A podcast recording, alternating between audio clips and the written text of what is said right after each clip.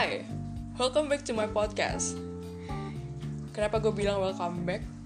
Karena sebenarnya podcast ini udah ada dari 2 tahun yang lalu dengan nama berbeda dan gue juga udah sempat rilis beberapa episode waktu itu.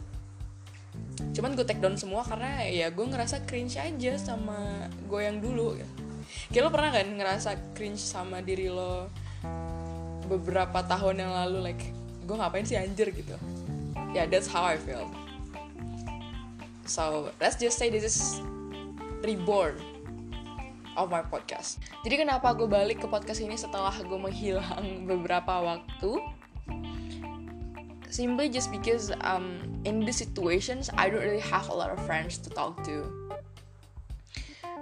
So I think this is the best platform for me to tell what I'm going to tell.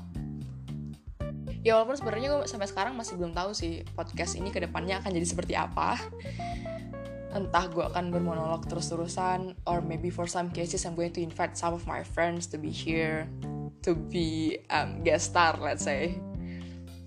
Then we're going to talk about um, some topics or some issues with them. Wow. So yeah. Tada I'm back. So see you in the next episode and have a great day.